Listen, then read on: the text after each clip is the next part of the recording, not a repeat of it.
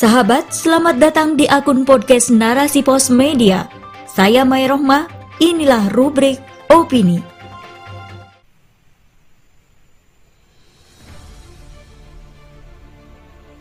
Baru-baru ini beredar sebuah video yang memperlihatkan seorang Korea berinisial NH disawer bak penyanyi dangdutan. Dalam video tersebut tampak dua laki-laki naik ke panggung menghampiri Korea yang sedang mengaji lalu menghamburkan uang di atas kepala sang Korea. Bahkan, salah seorang dari keduanya menyelipkan uang tersebut di kerudungnya. Sontak, video saweran yang diduga terjadi di Pandeglang, Banten itu pun viral dan menuai kecaman dari berbagai pihak, termasuk Ketua Bidang Dakwah dan Ukhuwah Majelis Ulama Indonesia MUI Pusat, Khalil Nafis, dan Ustadz Hilmi Firdausi. Melalui akun Twitternya, Khalil Nafis menyampaikan kegeramannya saat melihat rekaman video tersebut. Beliau menyatakan bahwa saweran uang kepada Kori atau Koriah merupakan cara yang salah, tak menghormati majlis dan merupakan perbuatan haram yang melanggar nilai-nilai kesopanan. Ustadz Hilmi di akun Twitternya menyebut perilaku sawer Koriah adalah seburuk-buruk adab. Ia berharap ini menjadi pembelajaran untuk semuanya agar meninggalkan hal-hal yang termasuk suul adab seperti ini. Nir adab, buah peradaban sekuler. Sawer Kori atau Koriah ternyata bukan kali ini saja terjadi. Jejak digital menunjukkan ada banyak video serupa bahkan lebih buruk dari perlakuan terhadap Koriah NH. Dalam rekaman lain diperlihatkan seorang Koriah yang sedang melantunkan ayat suci Al-Quran dikalungkan uang kertas di kepalanya hingga menutupi matanya. Beberapa kali Koriah ini melepaskan kalungan uang tersebut dari kepalanya, sedangkan si penyawer hanya tertawa diiringi riuh tawa hadirin. Perilaku ini jelas menunjukkan buruknya kondisi kaum muslim di era peradaban sekuler. Kondisi yang menyimpangkan cara pandang seseorang bukan lagi pada arahan syariat. Hal ini karena kehidupan kaum muslim dinaungi paham yang menjauhkan agama dari kehidupan, sehingga halal haram, baik buruk, tak lagi menjadi tolok ukur perbuatan, melainkan kesenangan secara materilah yang diprioritaskan. Dalam pandangan kapitalis, pelantun ayat Allah dianggap tak jauh berbeda dengan biduan yang layak dihadiahi saweran. Padahal saweran ini menunjukkan aktivitas jahiliyah yang penuh kesombongan, ria, dan niradab. Mirisnya, pelakunya adalah muslim dan dilakukan dalam acara yang sakral seperti Maulid Nabi Shallallahu alaihi wasallam atau kajian Islam. Ini menunjukkan bahwa kapitalisme sekuler telah merenggut kesakralan agama dari benak kaum muslim. Panggung dakwah dan pengajian kerap diwarnai kegiatan anfaedah hingga mengarah pada kemaksiatan. Campur baurnya laki-laki dan perempuan yang bukan mahram atau ikhtilat, tabaruj, berdendang solawat di atas panggung yang menampakkan lekuk tubuh wanita adalah fakta yang banyak terindra. Oleh karena itu, selama paham ini masih diterapkan, kondisi kaum muslim akan terus terperosok pada lembah kejahilan yang syarat kemaksiatan. Manusia beradab lahir dari pemahaman yang sahih. Allah Subhanahu wa taala telah memerintahkan kaum muslim agar bersikap santun saat diperdengarkan firman-Nya. Selain sebagai wujud ketaatan akan perintahnya, sikap ini akan mendatangkan rahmat Allah bagi pendengarnya.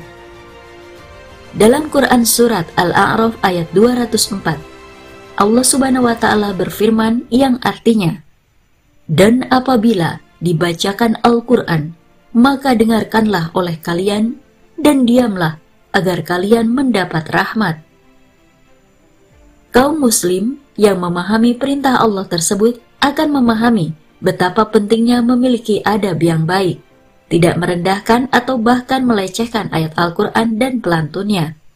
Karena sikap menistakan kalamullah dengan cara menjatuhkan kehormatan dan keagungannya, termasuk perbuatan kufur yang nyata, sebagaimana firman Allah Subhanahu wa Ta'ala. Dan jika kamu tanyakan kepada mereka tentang apa yang mereka lakukan itu, tentu mereka akan menjawab, "Sesungguhnya kami hanya bersenda gurau dan bermain-main saja. Katakanlah, apakah dengan Allah, ayat-ayatnya dan Rasulnya, kalian selalu berolok-olok? Tidak usah kalian minta maaf, karena kalian kafir sesudah beriman. Quran Surat At-Taubat, ayat 65-66 Sahabat, sementara untuk kori atau koriahnya, mereka pun akan menempatkan diri sesuai arahan syara dalam melantunkan Al-Quran di depan publik, di antaranya untuk syiar Islam, pendidikan dan dakwah, bukan untuk ujub, ria, atau dalam rangka memperjualbelikan ayat-ayat Allah, semisal menjadi YouTuber atau konten kreator yang landasannya kapital. Suara wanita bukanlah aurat menurut pendapat yang lebih kuat. Adapun membaca Al-Quran di hadapan laki-laki bukan dalam rangka belajar, maka lebih baik dibaca secara lirih. Hal ini akan terkondisikan ketika Islam dan pemimpin pelaksana syariat ada di tengah umat manusia. Penjagaan terhadap ketakwaan individu dan masyarakat dari praktik keburukan atau anfaidah akan senantiasa dilakukan, di antaranya melalui pendidikan dan kurikulum berbasis akidah Islam. Target yang dicapai dari pendidikan ini adalah terciptanya pola pikir dan pola sikap Islami pada tiap individu, sehingga sangat kecil peluangnya bagi orang-orang untuk bertindak nyeleneh atau merusak kesucian Al-Quran.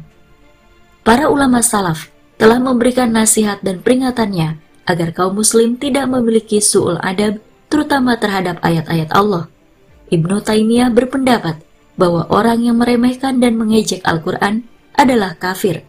Begitu juga ulama-ulama Hanafiyah menyatakan bahwa siapa pun yang merendahkan Al-Quran, masjid, atau sejenisnya yang dimuliakan dalam syariat adalah kafir.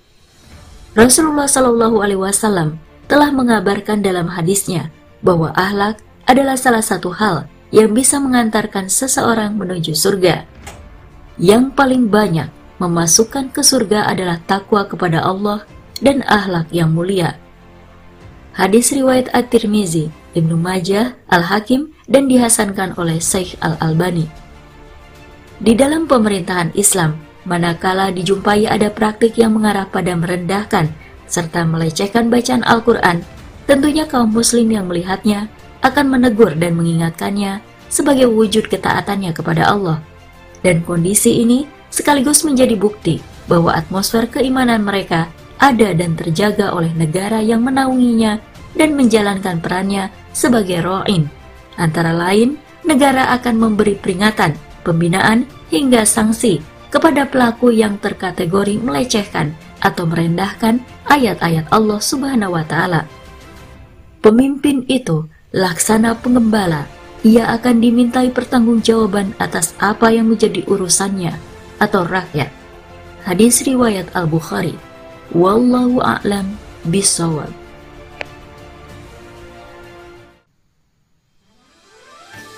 Sahabat, itulah opini kali ini. Konten ini bisa Anda baca secara gratis. Silahkan kunjungi www.narasipos.com. Terima kasih telah mendengarkan. Saya Maya Rohmah. Sampai jumpa di episode berikutnya. Narasi Pos cerdas dalam literasi media, bijak menangkap peristiwa kunci.